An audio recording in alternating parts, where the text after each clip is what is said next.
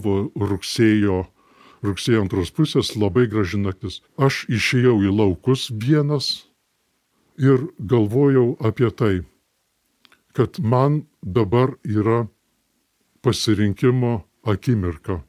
Arba aš tampu biseksualus, nors niekada nebuvau biseksualus, sukūriu su, su, su ta mergina šeimą, ramiai, gražiai gyvenu, tik tai jausdamas didžiulį konfliktą pasisimi. Ar, ar pasirinkti kitą kelią? Ar likti tokiu, kokiu esu, savo nemeluojant, suvokiant, koks gyvenimo siaubas, koks žiaurumas manęs laukia. Aš pasirinkau aiškiai sunkesnį kelią. Aš didžiuojuosi šitą savo apsisprendimo akimirką, aš didžiuojuosi.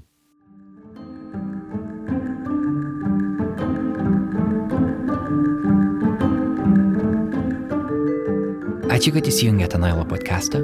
Jį kūrė žurnalistų kolektyvas Nanuk, o išlaiko patys klausytojai. Nuo praėjusio epizodo prisijungė Aistė Galūnytė, Karolina Majuskaitė, Erikas Ivanovas ir MCMC. Prisijunkite ir jūs, adresas yra patreon.com slash nanuk multimedia, kaip vienas žodis. Čia yra šios savaitės epizodas, jį rengiame kartu su Vilnius Queer festivaliu Kreivės.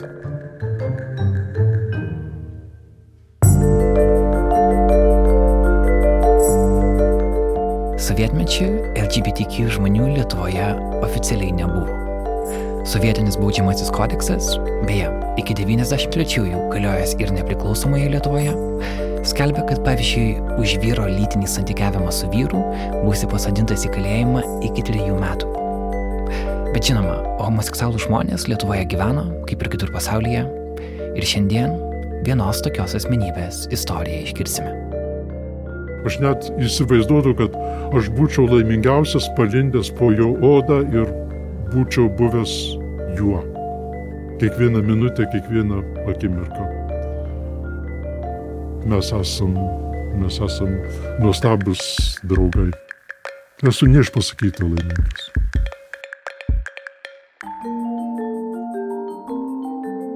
Mūsų svečias daugiau nei 40 metų gyvena su partneriu. Jis pasirinko neatskleisti savo vardo ir paprašė pakeisti balsą. Tai padarė dėl priežasčių, kurias interviu metu įvardys pats. Su juo kalbėjosi Berta Tilmantaitė. Interviu metu jie susitiko pirmą kartą, bet užsimesgęs ryšys leido įvykti realiam, labai žmogiškam pokalbiui. Tai nėra tik vieno žmogaus istorija, per ją galima suprasti platesnę Lietuvos LGBTQ bendruomenės istoriją. Kviečiame tai patirti. Aš esu Karolis Višnauskas, jūs klausotės Nailo podcast'o.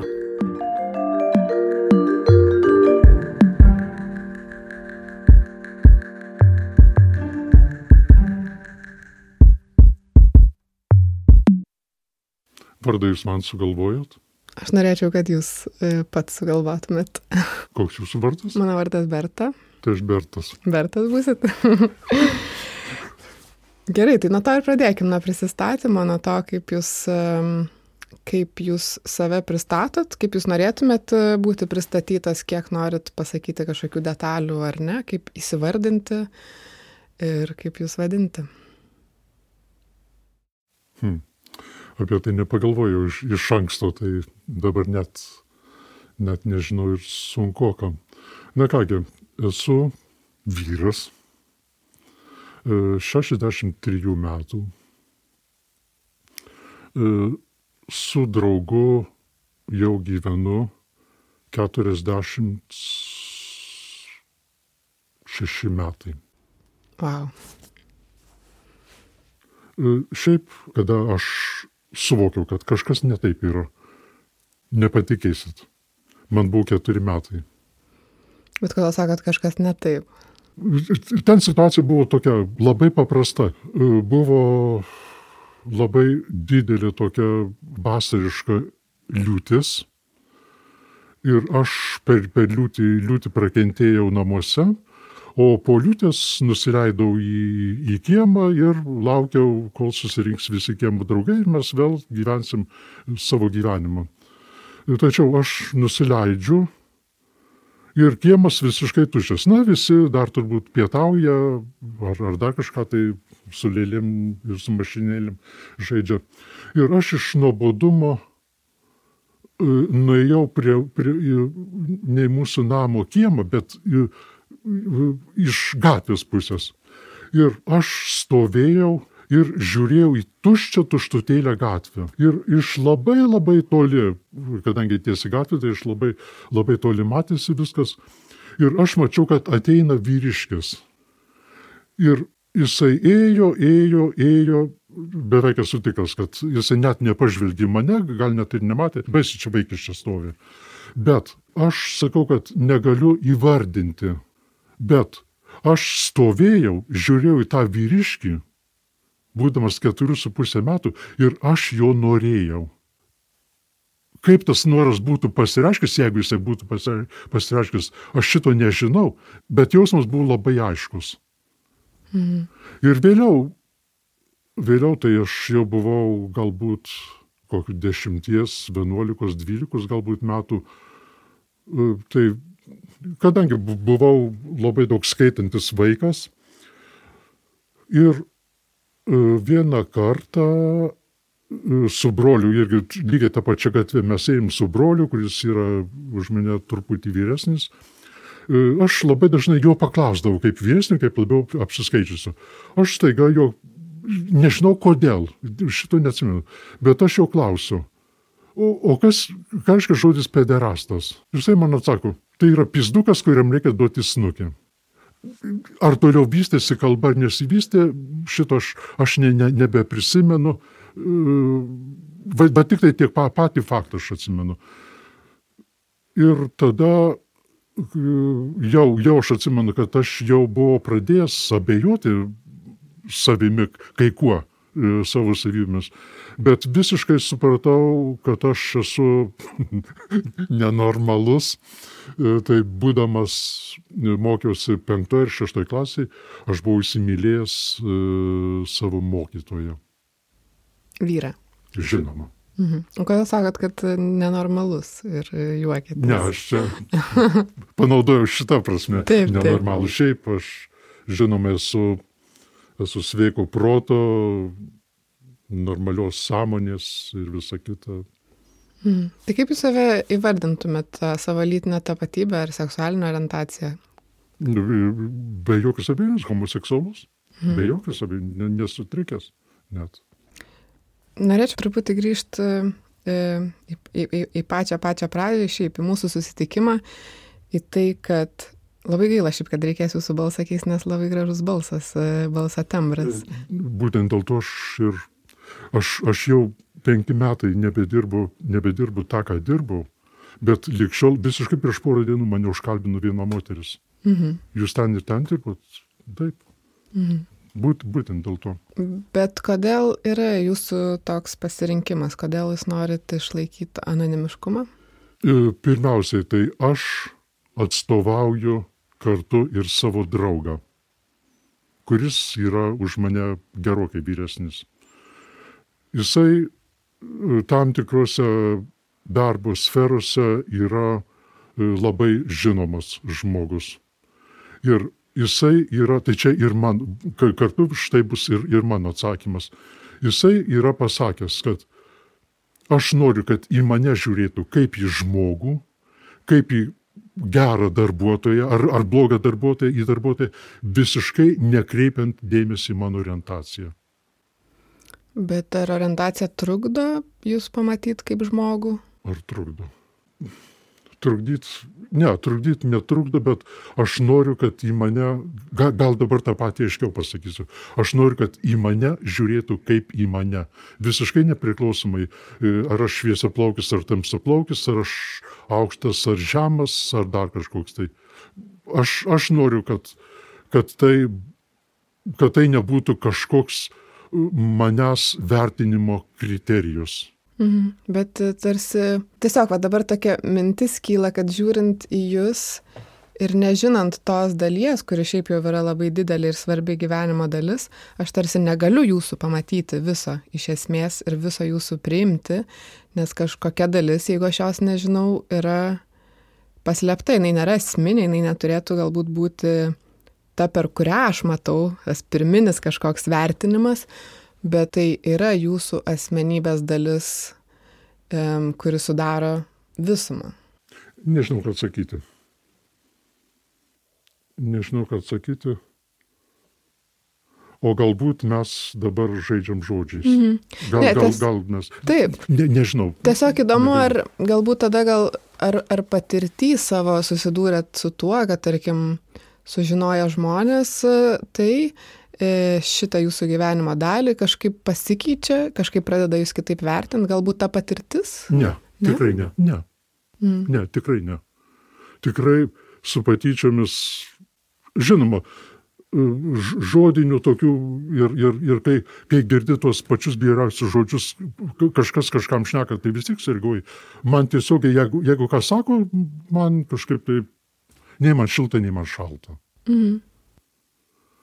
Ir, tokių kažkokių tai labai, labai radikalių, labai baisių patyčių, tai aš net neprisimenu per gyvenimą, ar aš esu turėjęs. Žinoma, tas gyvenimo būdas, ypač sovietiniais laikais, e, jisai įpareigojo elgtis atsargiai. Mhm. Nors nežinau, ar čia visiškai tinkamas, gal reikėtų kokį sinonimų žodyną pavartyti, nežinau, ar tinkamas žodis atsargus. Pačiam įdomu. Bet jeigu toks pirmas į galvą ateina, gal ir tinkamas. Nu taip, Na, budrus galbūt aš, aš niekada, niekada garsiai neskelbdavau. Aš esu toks ir toks, prašom su, mane, taip, su manimi elgtis e, ar bendrauti vienaip ar kitaip. Šito tikrai nebuvo. Bet visą laiką aš buvau pasiruošęs tokiai situacijai. Jeigu klaustų, ar tu esi homoseksualus, aš būčiau be jokios abejonės. Nesvarbu, ar tai yra tarp dviejų žmonių, ar tai yra kažkas. Tikrai būčiau pasakęs, taip, esu homoseksualus. Aš visą laiką norėjau ir tebe noriu būti sąžiningas pats su savimi. Ir tarkime, vienas toks labai reikšmingas epizodas buvo tai po universiteto, po pirmojo kurso, e, visą kursą vežė dirbti į kolūkį, bulves kasti. Ir viena kurso mergina apie mane labai, labai smarkiai sukosi. Aš, žinoma, ją žiūrėjau tik tai kaip, kaip, kaip į draugę ir nedaugiau. Ir vieną kartą jinai, o gyvenome tokioje kaimo pirkutėje visa, visas, visa mūsų grupė, E, aš nelabai atsimenu detalių, smulkmenų, bet ten buvo tokia situacija, kad aš turėjau pasakyti, arba ženėjomės, arba skiriamės. Aš čia, aišku, dabar taip komiškai nupasakoju, bet kažkas va tokio buvo. Ir aš labai gerai prisimenu, kad o buvo rugsėjo, rugsėjo antros pusės, labai graži naktis. Aš išėjau į laukus vienas, o ta trobelė mūsų buvo iš vienos pusės labai atviri laukai, iš kitos pusės miškas. Ir aš vaikščiau po laukus ir galvojau apie tai, kad man dabar yra pasirinkimo akimirka. Arba aš tampu biseksualus, nors niekada nebuvau biseksualus. Ir e, sus, sukūriu su, su, su ta mergina šeimą, žinodamas, kas manęs laukia. E, Ar sukūriu šeimą ir ramiai, gražiai gyvenu, tik tai jausdamas e, didžiulį konfliktą pasisimi. Ar, ar pasirinkti kitą kelią? Ar likti tokiu, kokiu esu, savo nemeluojant, žinant, suvokiant, koks gyvenimo siaubas, koks žiaurumas manęs laukia. Man buvo gal kokie 20, 21, 22 galbūt metai, maždaug toks buvo. Ir aš sakau, labai aiškiai suvokdamas, kas manęs laukia ateityje.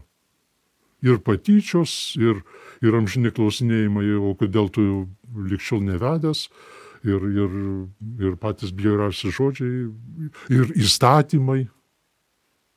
Bet visą tai suvokdamas, aš pasirinkau aiškiai sunkesnį kelią. Aš didžiuojuosi šitą savo apsisprendimo akimirką, aš didžiuojuosi. Ir buvo sunku, sakot, va, su, su, suprasdamas tą siaubą ir, ir, ir baisumą, kuris laukia, niekad nesigailėjot pasirinkęs šitą. Niekada nesigailėjau. Ir galbūt apie tuos siaubus, apie gyvenimą, apie, apie, apie, apie viską, ką jūs išvardinat, e, galbūt aš tai suvokiau labiau teoretiškai. O šiaip gyvenime aš tikrai ne, nesu patyręs kažkokio tai. Iš vienos pusės tarsi nesat, iš kitos pusės įstatymai tarsi diskriminuoja, ar ne? Nu, Tai iš- tarsi toks labai dvi, dviprasmiškas e, jausmas. Be abejo, be abejo, be abejo. Jo labiau, kad e, buvau girdėjęs ir apie žmonės, kurie netgi vieną, tai netgi e, po, po daug metų netgi susipažinau su, su, su vienu vyriškiu, kuris sėdės kalėjime už tai Rusijoje kažkokiam tai Saratovė, nesaratovė, neatsimenu kiek sėdėjo, vien, vien už tai. Nu, Rusijoje berots penki metai būdavo bausmė, Lietuvoje trys. Kad Lietuvoje ar skiriasi nuo TSRS E, įstatymų? e, Buvo Lietuvos- iš esmės įstatymai tokie, bet atrodo, kiek skaičiau, ten galbūt skiriasi, skiriasi trukmė kai kuriuose tose šalise, bet e, e, esmė ta pati. Aš neatsimenu, kiek, kiek tas vyriškis, bet man atrodo, man taip likas prisiminimas, kad jisai netaip jau ilgai, aš galvoju, gal kokį, gal pusmetį, gal metus tik tai sėdėjo, gal pavyzdingas. Taip, taip, taip. Hmm. E, tada dar vėlgi prie to anonimiškumo grįžtant, kad tai jums kažką duoda, vat kažkokią ramybę ar ten galimybę atkreipdėmėsi kažką kito, nei tai, bet ką tai iš jūsų atima. E, va, jūs sakėt, 46 netgi metus gyvenat kartu su savo partneriu, to, tame vat, ne, neatsiskleidė ir jums tai kažką duoda be abejo, bet kažką atima. Ką atima tas e, užsisklendimas ir užsidarimas? Ką atima? Atima tai, kad be, jokios, e, be jokio bejonio važiuojant autobusu, padėti ranką ant rankos, apsikabinti. Tik tai tokius dalykus. Nors viena moteris manęs nelabai senai paklausė, "Ko- o koks jūsų lai, laimės, sakykime, laimės, kaip, kaip, koks ten žodis, nežinau. laimės esmė. Tai aš e, pagalvoju, ir čia dabar bus kartu atsakymas e, apie, apie, apie viešinimas. Galbūt esu prie, galbūt esam, galbūt esam, abu du prietaringi, bet skaitant Delfį, skaitant visus kitus, e, apie labai garses vestuves, garses skirybas, labai garsius jausmų e, demonstravimus, mes turbūt vos pradėję bendrauti, vos pradėję bendrauti, mes turbūt nežodiškai susitarėm, kad mes nedemonstruojam savo jausmų. Bet ne, ne dėl to, kad bijodami kažko, bet, kaip japonai sako, pasakytas žodis sidabrinis, nepasakytas auksinis. Lygiai tas pats apie, apie, apie jausmus. Ir aš manau, kad, aš manau, kad mūsų tokie santykiai fantastiški ši- šitiek metų dėl to, kad per tuos 46 metus aš, aš galvoju, ar mes esam kada iš viso rimtai pasakę viens kitam, aš tave myliu. Juokaudami tai, bet, bet rimtai, aš manau, kad niekada. Net vienas kitam? Taip, Kodėl? Dėl įvardinimo. Mhm.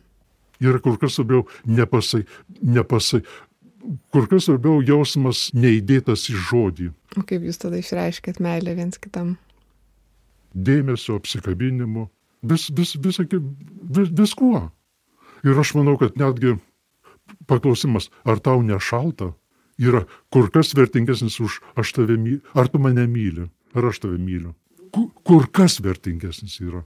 Aš nežinau, ar, aiškiai pasakiau tai, Taip. ką norėjau pasakyti. Mm, suprantu, kad e, jūsų elgesys, rūpestis, dėmesys vienas kitu tai ir yra e, daug, daugiau negu pasakymas. Be kažkoks. abejo, be abejo. Bet ar nesinorėtų kartais tiesiog padėti tą ranką autobuse ir apsikabinti ir e, negalvot, kas ką Kartai- pamatys? Žinoma, kad norisi. Mhm. Žinoma, kad norisi. Nėra pykčio kažkokio, kad man negaliu to padaryti. Ne, pykčio tai tikrai ne, gal, nežinau, gal per skaudus, per, per skambus žodis, bet e, gal nuoskauda. Gal nuoskauda labiau. Ne, ne, apie pyktį tai tikrai nekalbam, bet gal, galbūt nuoskauda. O kodėl aš to negaliu padaryti? Taigi tai, taip elementaru yra. Kodėl dvi moteris eina, eidamos susikabinio, kodėl aš negaliu apkabinti draugo gatvėje?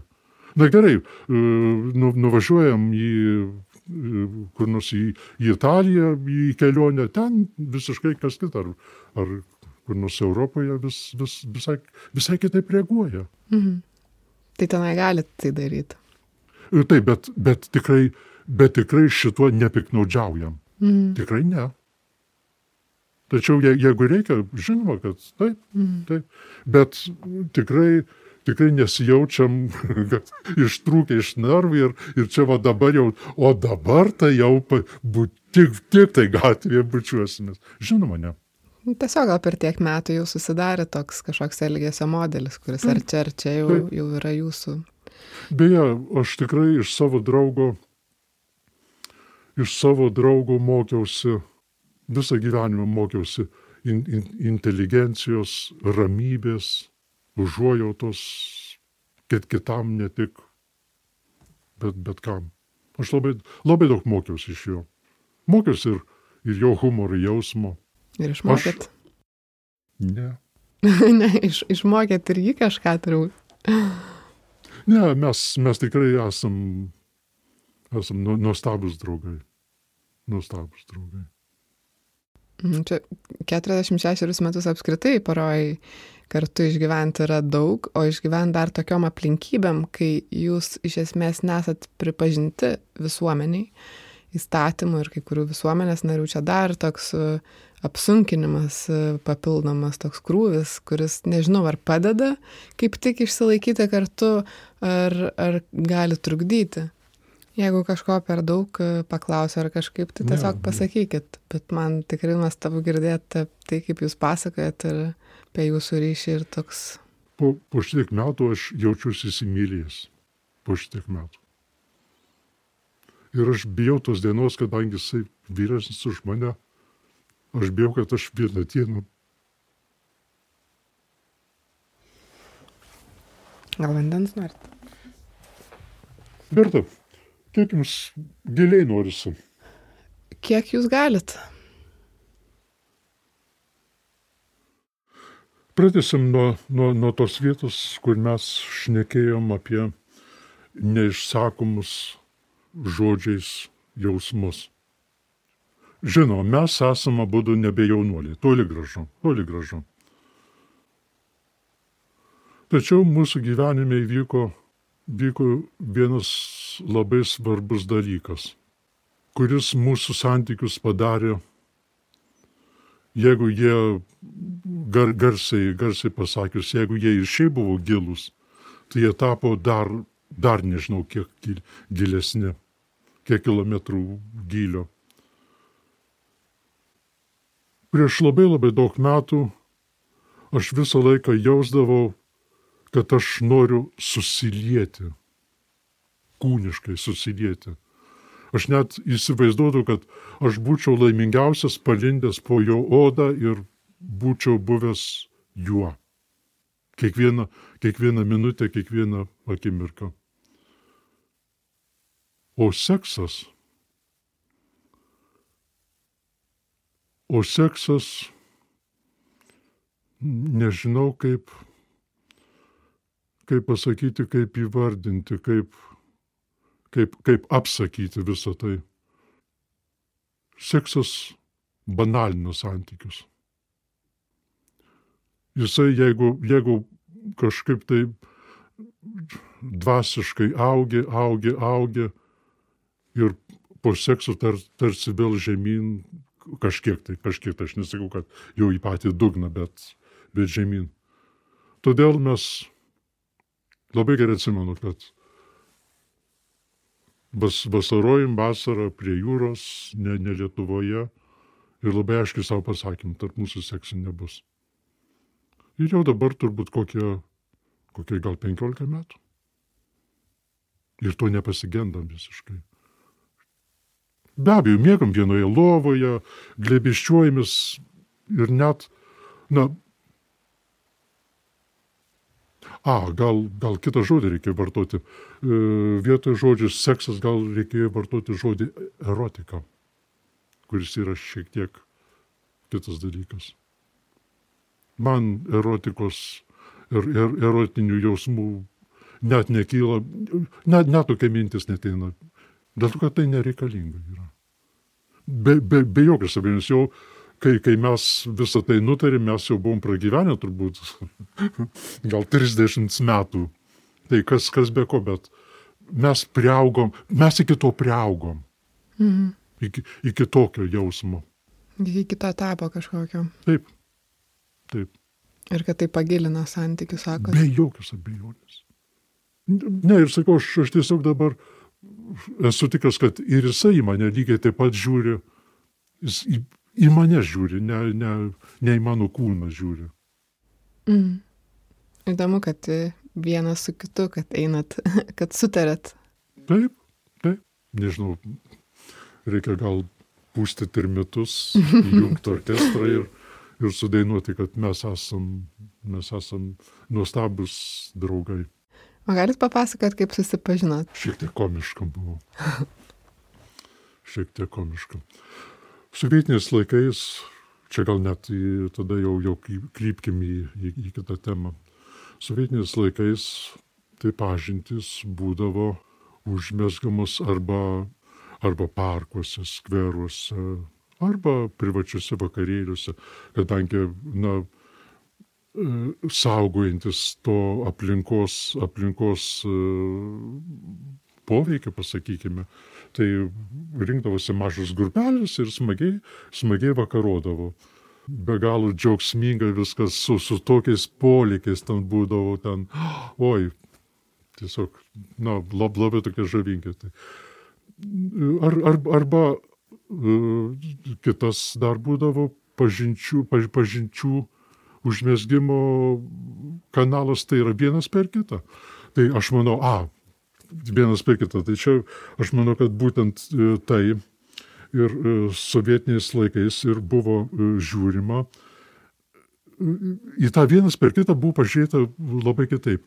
Ir netgi aš esu, pats girdėjęs nekartą, kad homoseksualai prisivilioja jaunesnį vaikiną, jį sugundo duoda dovanėlį, gali duoti, gali neduoti dovanėlį. Na, šiandien tai po truputį, po truputį įtraukia ir, ir iš jo padaro homoseksualų.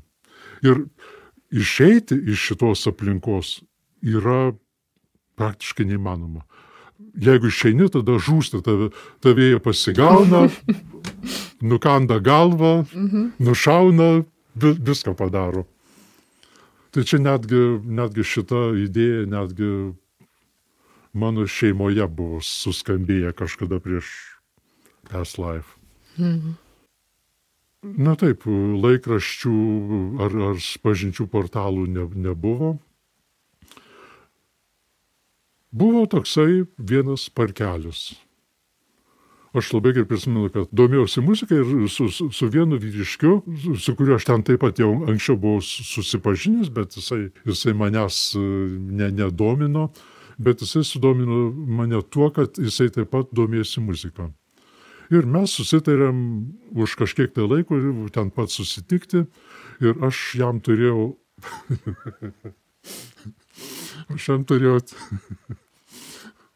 turėjau turėjau at, e, atnešti ir parodyti keletą plokštelių, kurį, e, kurios įdomino, vinilai. Aš atėjau, tas vyriškis kažkodėl tai netėjo. Buvo žiemos, žiemos vakaras, buvo sausio mėnuo, sausio 9 diena buvo. Tai vad, aš atėjau į tą parkelį pas susitikti su tuo vyriškiu, jisai netėjo ir aš Aš prisimenu, kad jau, jau temo, na, sausmėnuo, trumpačius trumpiausios dienos. Ir aš jau ketinau išeiti ir neprisimenu kaip, bet atsimenu, kad e, pamačiau aukštą liekną vyriškį. Tačiau jisai manęs nesudomino dėl to, kad jisai buvo ne tiek vyresnis, kiek man reikėjo. Tai aš labai išdidžiai, bet jisai buvo labai įkyrus, kabutėse. Ne, jis įkyrus nie, niekada nebuvo, aš čia, čia tikrai perdedu, jo labiau žinant jo, jo būdą, jo, jo tą įgimtą inteligenciją.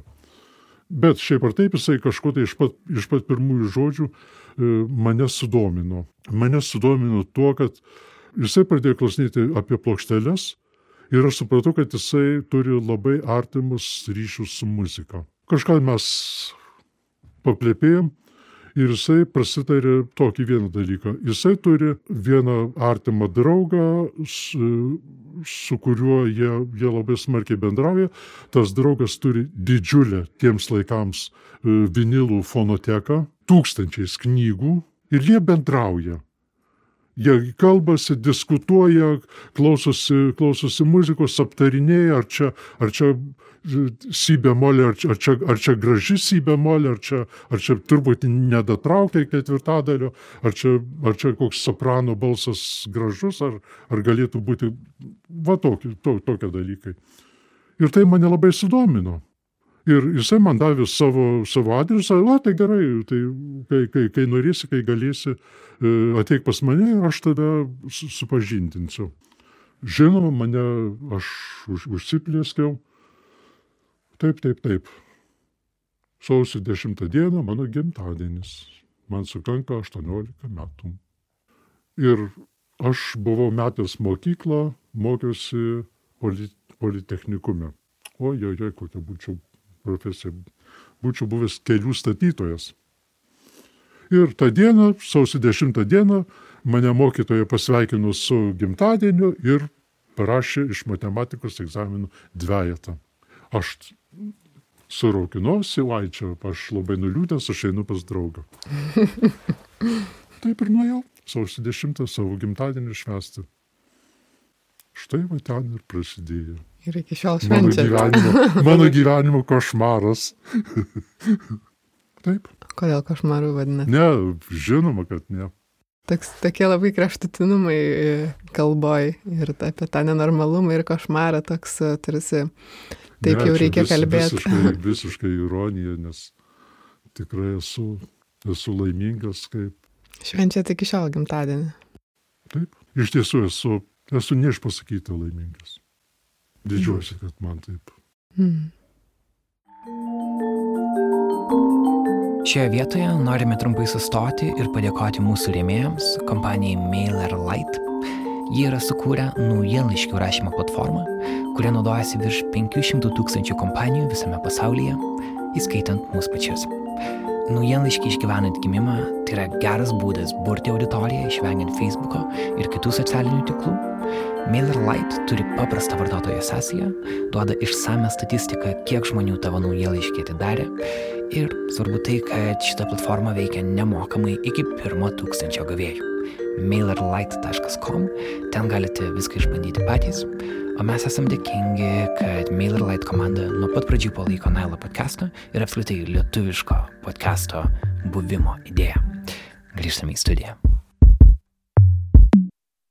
Dar grįžtant šiek tiek, bet į tas susipažinimų vietas, nes labai įdomu, kaip, kaip vat, atsiranda tai, gal pirmiausia dar paklausčiau apie tai apskritai, kadangi tuo metu informacijos buvo mažai, buvo tarsi įstatymas baudžiantis, arba tai buvo traktuojama kaip psichinė lyga, pats sakėt ar ne, kad psichiatriniai gulėjo žmonės, e, gydomi buvo. E, kaip, kaip pačiam vat, buvo suvokti save, kad jūs toks esate tokiam neigiamam kontekste ir kaip persilaužt suvokiant, kad tai iš tikrųjų nėra blogai ar nenormalu, ar lyga, ar baudžiama. Ar nebuvo kažkokio vidinio disonanso vat, iš tos aplinkos ir, ir, ir iš savęs, kaip išlikti savim pasitikinčių, save suvokiančių ir priimančių žmogum tame neigiamam kontekste, kai tave traktuoja kaip, kaip, kaip iškrypimą arba kaip nenormalų. Nežinau, kaip atsakyti, nes nelabai, nelabai žinau, kaip atsakyti. Čia galbūt jau atsakiau kalbėdamas apie tą naktį kolūkyje. Aš viskam buvau pasiryžęs. Bet vid iš kur jūs su, suvokėt, iš kur atėjo tas supratimas, kad viskas yra su jumis gerai, kad nėra taip, kaip sako aplinka, kad tai nėra nusikaltimas, kad tai nėra psichinė lyga, kaip priimė tai, iš kur atsirado ta jėga ir stiprybė suprast, kad tai yra, viskas yra gerai. Dėl to, kad aš gimiau be galo išmintingas. ne, je, jeigu rimtai, tai tikrai, tikrai nežinau, gal, galbūt man tiesiog taip pasisekė. Taip, taip pačiam save susitvarkyti. Mhm. Nes dabar žmonėms sunku būna, nors informacijos yra daug, tai nebėra lyga, tai nebėra nusikaltimas ir vis tiek žmogui būna sunku save priimti, žmonės apsimetinėja, slepiasi. O tuo metu, kai tai buvo tik neigiamas kontekstas, tai turėjo būti, neįsivaizduoju, kiek kartų sunkiau ir iš kur va tos stiprybės suvokti save ir priimti ir drąsiai būti savimi. Turbūt atsakymas tas pats, kad turbūt labai protingai save žiūriu ir į aplinką. Bet man šit, šitos krizės ne, nebuvo visiškai. Aš kažkaip tai pats, pats priaugau, gal, galbūt nuo, nuo pat vaikystės, nuo pat to stovėjimo gatvėje po lietos, galbūt nuo, nuo tada aš jau supratau, kad nu, yra kaip yra. O kaip jūsų šeima, va jūsų brolis, Blogai? kurį minėjot, nepriėmė jūsų? Ne. Vis, vis neįvyko joks lūžis niekada. Ne. Netgi niekada nėra buvę tiesioginio konflikto apie tai. Tai tiesiog nutylima kažkaip. Aš žinau, ką jisai šneka, aš žinau, ką, ką jisai šneka su seserim, žinau, ką jisai šnekėdavo su mama. E, jeigu mano santykiai su juo dar kažkokie buvo, dabar aš su broliu, nors gyvenam per keletą kilometrų vienas nuo kito, aš jo nesu matęs nuo motinos mirties. Per motinos laidotuvės sesuo vėliau man pasakė, mano brolis yra pasakęs, rodydamas į mano draugą, o ko šitas čia. Mm. O su seserim, su tėvais?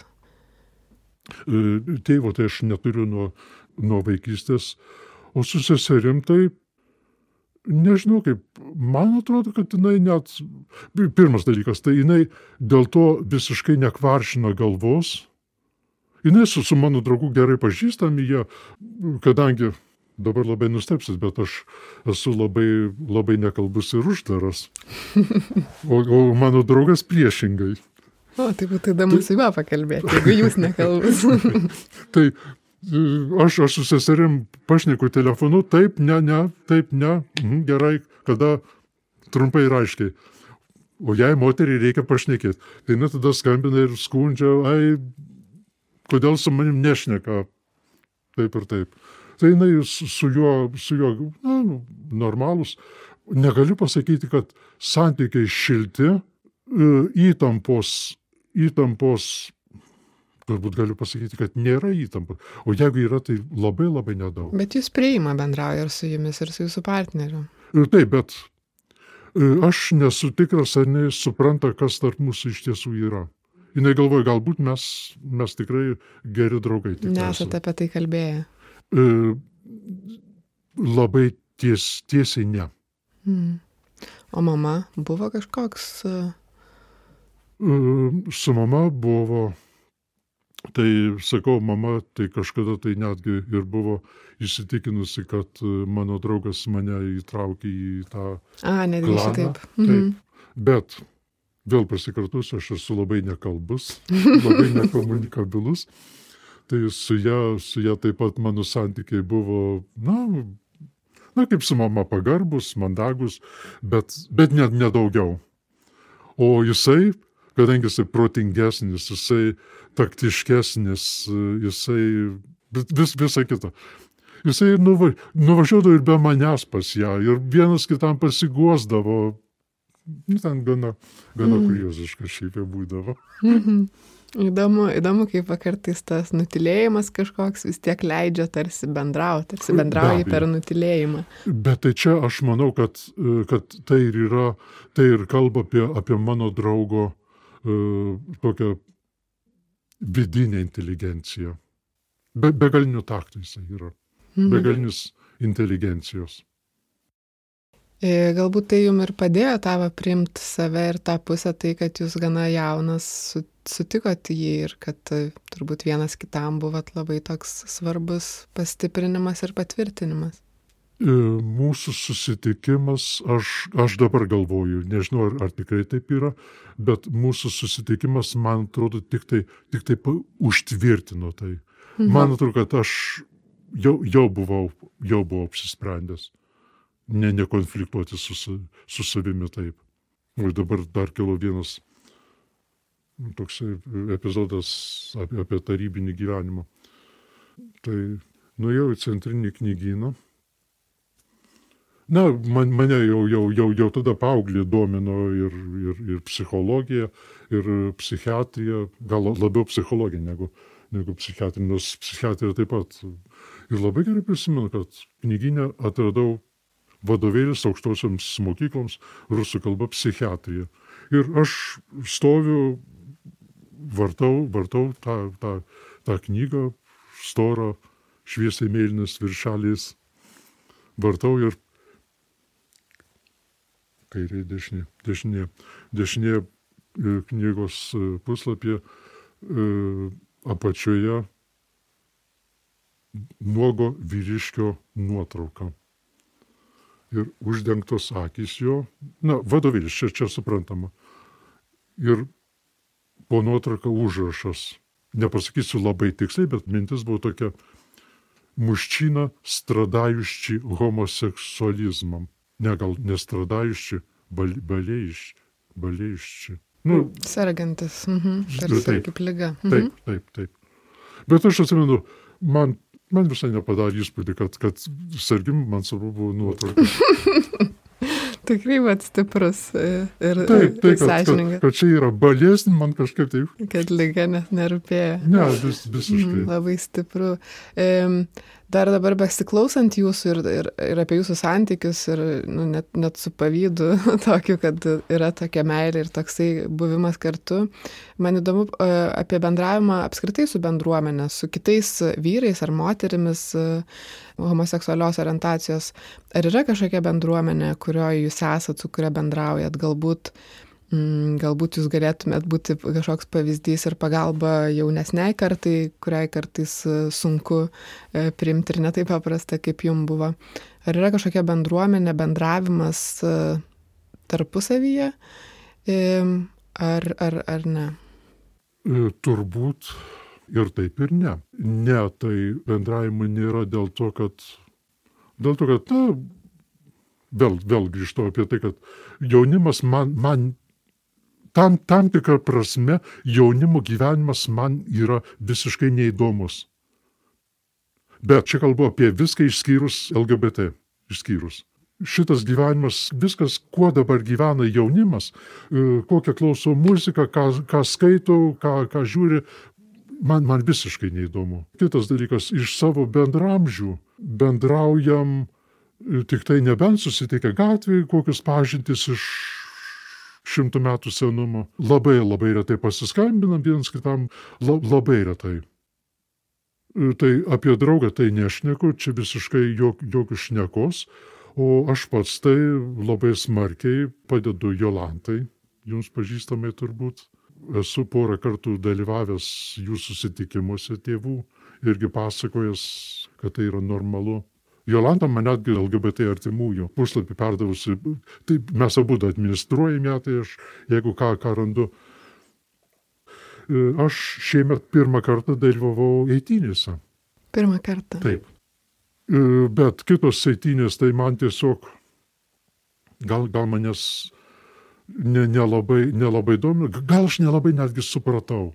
Tai todėl nei aš rūpinausi, nei aš galvojau, tiesiog Bet vienas labai reikšmingas epizodas buvo toksai, kai vyko pirmusios eitynės.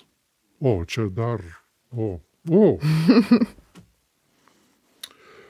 apie mano, tai yra apie mūsų santykius su bažnyčia. Norit? Nu, taip įdomu. Čia dar vienas toks vidinis konfliktas dažnam Didžiulis. atsitinka. Pirmiausiai, aš buvau labai rimtai tikintis. aš labai smarkiai domėjausi, aš skaitydavau. E, skaitydavau ne, ne, tik, ne tik šventą įraštą, komentarus skaitydavau, gilinausi. Aš visada skaitydavau e, pasėmęs e, Naują Testamentą lietuviškai, šalia rusiškai, šalia angliškai, šalia vokiškai. Ir tą patį sakinį lyginiai keturias kalbas. To, tokius atsiveria gelmis. Kai aš tai atradau, aš, draugas taip pat draugas buvo, kaip pasakyti, yra pranciškonai, pranciškonų ordinas, bet pasauliečiai. Mhm. Jisai buvo prasimušęs, buvo, neprasimušęs, taip, aišku, prasimušęs, aišku, su, sukyšęs, prasimušęs. Kitaip pasakius, abu du buvom rim, rimti. Ir buvo šeštadienis pirmosios LGBT eitynės prie Baltų tilto. Baigiu darbą Jakšto gatvėje, nusileidžiu į Goštautų gatvę ir tik aš nusileidžiu, aš matau iš dešinės pusės link Baltojo tilto eina monsinjoras Svarinskas su visa savo reikiančia gauja, su kryžiumi, su, su, su, su, su, su vėliavom, kažkokie tai dar plakatai buvo. Ir aš tada stovėjau ir labai gerai prisimenu.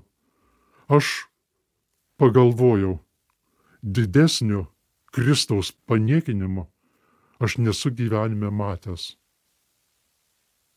Aš nežinau, kaip, kaip dar labiau. Man atrodo, kad ten su, su, sutrypti Kristaus e, atvaizdą būtų buvę ne taip, ne taip, ne taip žiauru, kaip, kaip tai pamatyti. Čia pirmoji pusė.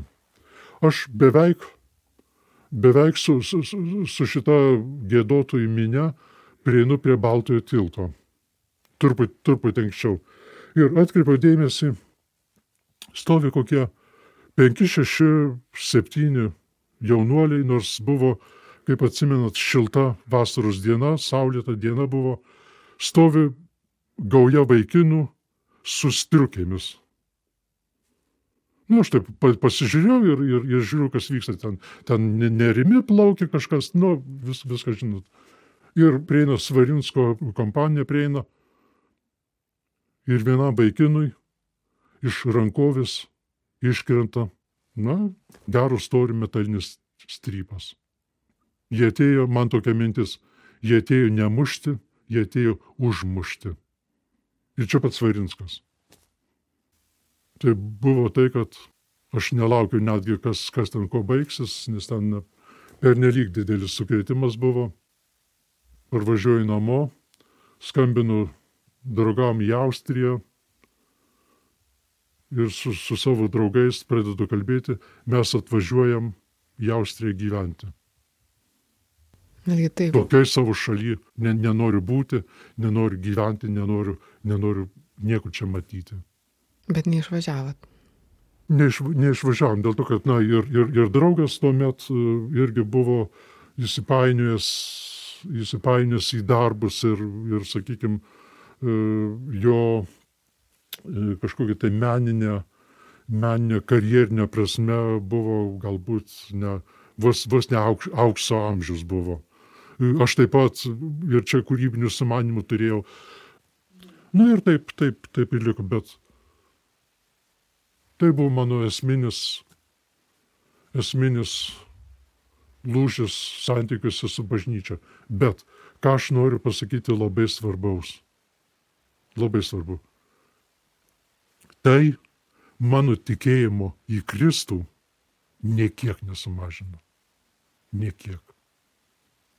Aš nenoriu turėti jokių reikalų, jokių prisilietimų prie Lietuvos katalikų bažnyčios. Bažnyčios netekimas man buvo, mums buvo, mums abiems buvo labai didelis smūgis. Hmm. O tai, kas turėtų būti iš esmės palaikymas ir jo netekus, turbūt sudėtinga. Bet atradot kažkokį kitokį būdą. Taip tą tikėjimą išsaugot ir puoselėt. O ar pastebit kažkokį pokytį va, nuo to laiko, beveik dešimt metų, arba apskritai rodot, kad labai mažai. O nuo sovietmečio, nuo tų 72-ųjų, 70-ųjų metų. Tas pats. Labai mažas pokytis. Jis toks mažas, kad jo nėra. Aš nekalbu apie, nekalbu apie atskirus kunigus. Ne, ne, nekalba apie, apie bažnyčią, bet apskritai apie visuomenę. Apie, Ai, apie visuomenę? Taip. Oi, oi, netaip supratau. Didžiulis.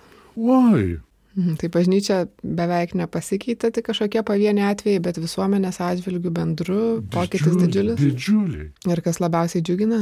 Išlaisvėjimas. Galima pasakyti, kad pas mus tolerancijos yra mažai, bet jos yra labai daug. Palyginus. Palyginus jos yra labai daug. Nu, Paminėjot vis tiek, va, darinuosi, bet anonimiškai. Ko reiktų, ko, trūk, ko trūksta, kad nebereiktų anonimiškumo Saugumo jausmas. Saugumo jausmas. iš aplinkos, iš, Taip, iš taip, visuomenės. Mm. Šitoje va tokioje aplinkoje, man atrodo, tarkim, stebint, pavyzdžiui, kino režisierius Romas Zabarauskas, kuris pa- pasi, pasirinkęs atvirumą, tarsi prieš savo valią automatiškai tampa aktyvistu ir tie asmeniniai santykiai tarsi tampa to aktyvizmo įrankiu, nes e, norint kovoti už teisės, tu jau savaime at, atveri. Ir, ir jo kalboje elgesį galima matyti tą frustraciją, kad jisai tuo savo atvirumu kovoja už visus ir už tuos, e, kurie pasirenka būti anonimiškai ir, ir nuolat kviečia, nuolat skatina atsiverti visus kitus, kad susidarytų tą didesnę, didesnę minę. Kaip jūs žiūrite tuos žmonės, kurie vat, ats- atsiskleidžia, atsiveria ir, ir bando kovoti?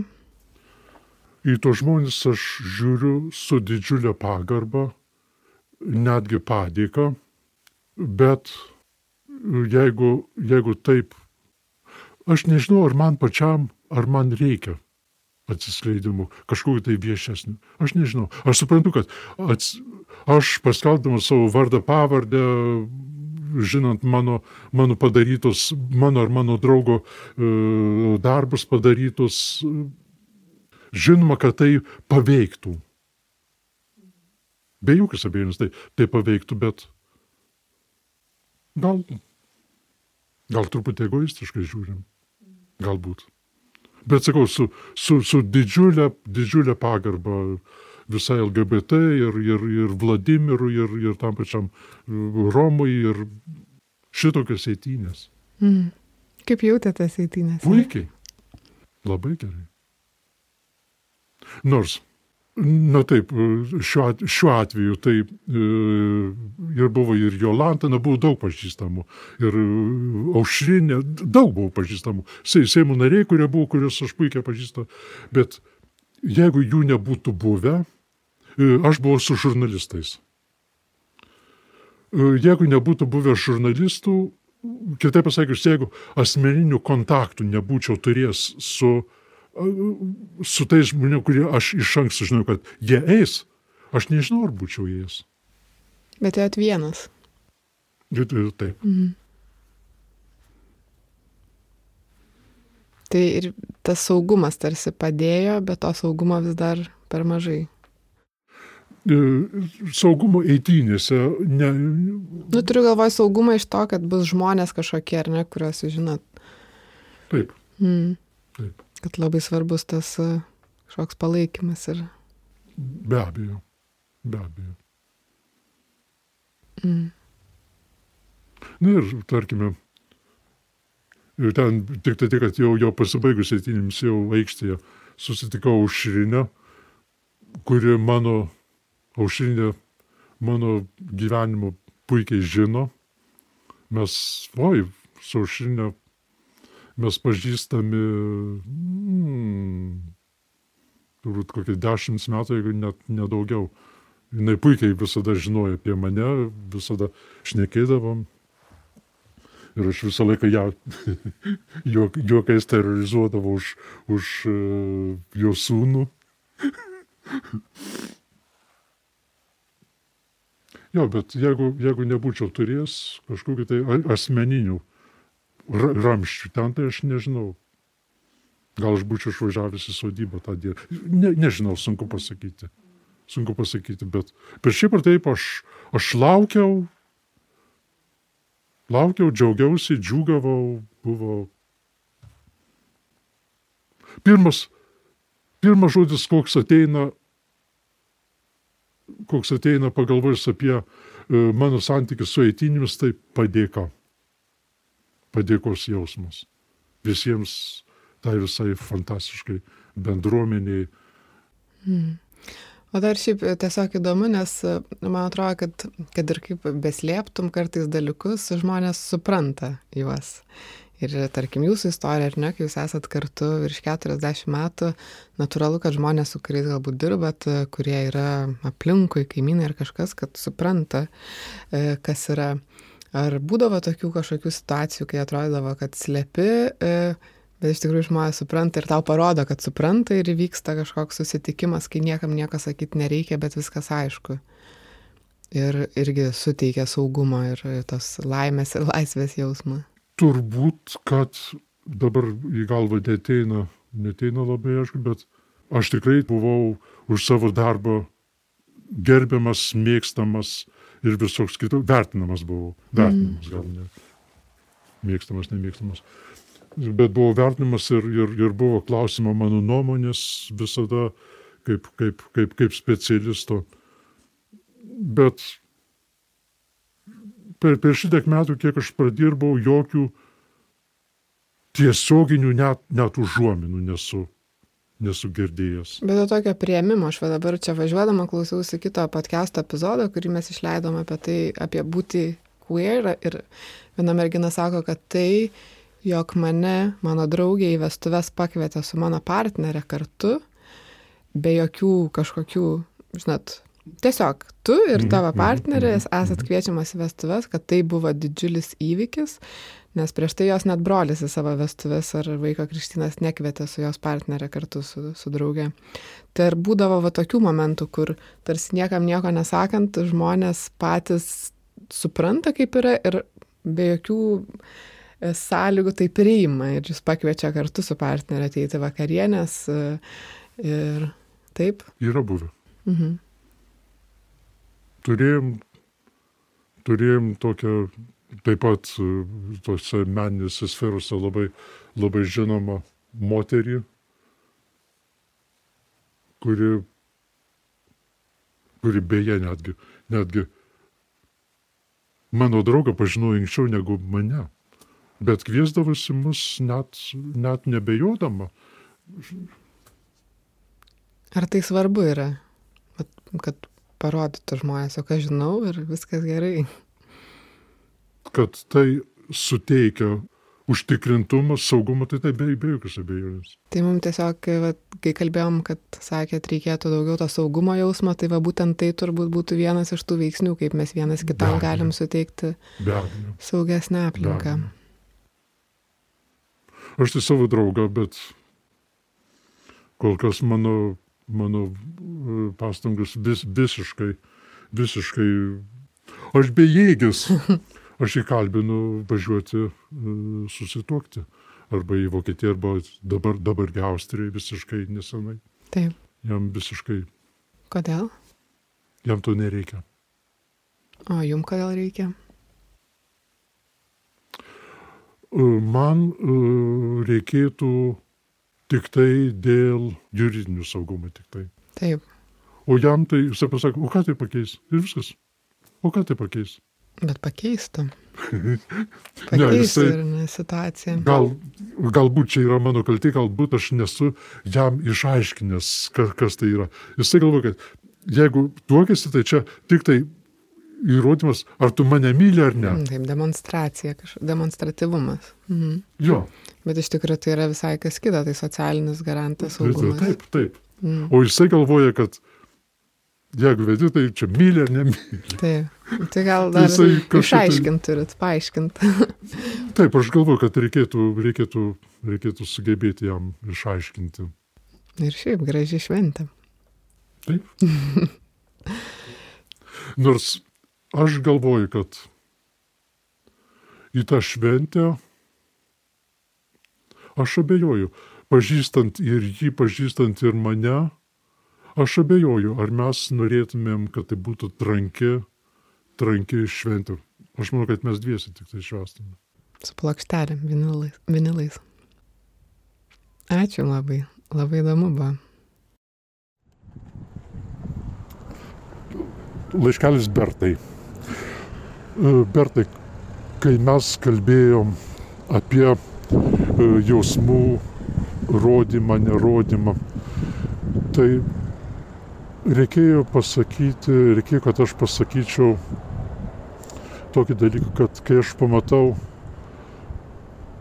viešai besibučiuojančius, viešai besiglamonėjančius, rodančius jausmus e, vienas kitam, visą laiką žiūriu su gailėščiu. E, dėl to, kad nenoriu būti blogas pranašas, bet man atrodo, kad tuo atveju tikėtis ilgalaikių santykių nelabai, nelabai reikėtų, nelabai, nelabai galima būtų, dėl to, kad aistra praeina ir toje vietoje lieka, lieka tuščia vieta. Mes visą laiką laikėmės tokios pozicijos, kaip sakė Egziuperi, pačiu svarbiausiu akimis ne, nepamatysi.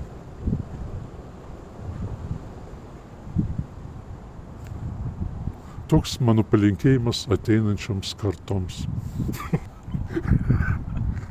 Žmonija, būk laiminga. O gal dar galėtumėt e, papasakoti apie tą, kai ėjot e, toj vietoj mo? A, tai buvo, gal čia reikėtų tik tai pasakyti, kad kodėl taip, kodėl taip buvo. E, tuo laiku aš kaip labai nerimtas žmogus E, šalia krikščionybės aš domėjausi ir ne tik domėjausi, daugiau negu domėjausi, netgi e, praktikavau ir visokių kitokių dalykų. Pirmiausia, tai praktikavau sufijus. Būdamas toje vietoje aš prisimenu ir labai, labai gaila, kad tas jausmas beveik, beveik, būtent beveik, beveik nėra pasikartojęs. Jau E, toje vietoje, kur dabar e, mo muziejus. Buvo vidurdienis, šilta, šiltas, šilta vasaros popietė buvo ir e, jau buvo į darbo pabaigą, pilnos, pil, pilna gatvė žmonių buvo. Vieni, vieni ėjo link manęs, kiti aplenkdavo manęs, mane. Ir man toks na, didingas jausmas buvo, kad visus žmonės, kuriuos aš mačiau, ar tai, ar tai vyrai, ar tai moteris, ar tai vaikai, ar tai senukai, ar tai dar kažkas, tai visus tuos žmonės aš, aš mylėjau. Ačiū. Žmonėje. Kai būsi Marse, paklausyk paklausyk mano šitų kalbų. Ir siūsk jas, pe, išklausęs Marsą, persiūsk, persiūsk į kitą, į kitą visatą. Linkėjimai galaktikai C2014B. Nuoširdžiausi linkėjimai iš Žemės. Ačiū labai. Žemė dėkoja.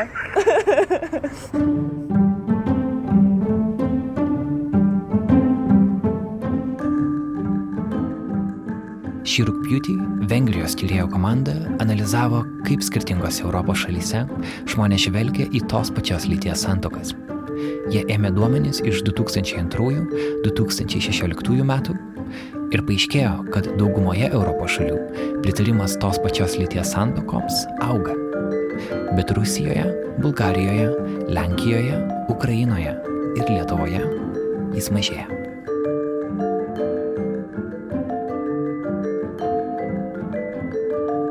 Toks buvo mūsų epizodas šiandien.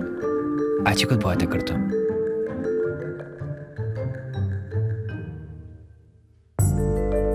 Jeigu jums šis pokalbis iššūkė minčių, jeigu turite savo istoriją, kurią norite pasidalinti, jeigu turite idėjų, kaip galima keisti LGBTQ bendruomenės prieimimą Lietuvoje, parašykit mums į Nanuk Facebooką ar Instagram, ar atsiųskit elektroninį laišką adresu info.nanuk.lt.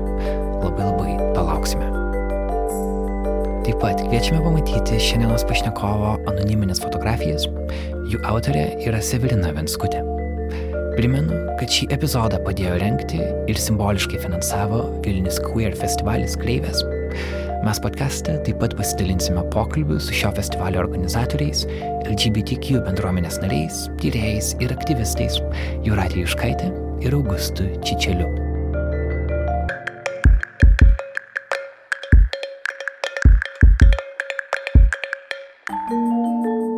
Nailo podcasto muzikos kompozitorius yra Martinas Gailius, o mano studijinį balsą įrašome Martino Mažvido bibliotekos garso įrašų studijoje.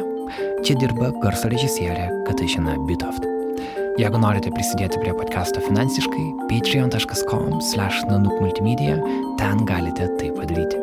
Mūsų 100 dolerių patronai yra Benedikto Gylio paramos fondas ir Blossom Wood Foundation. Nailo podcastą kuria žurnalistų kolektyvas Nanuk Aš esu Karolis Višniauskas, susitikime kitą savaitę. Iki.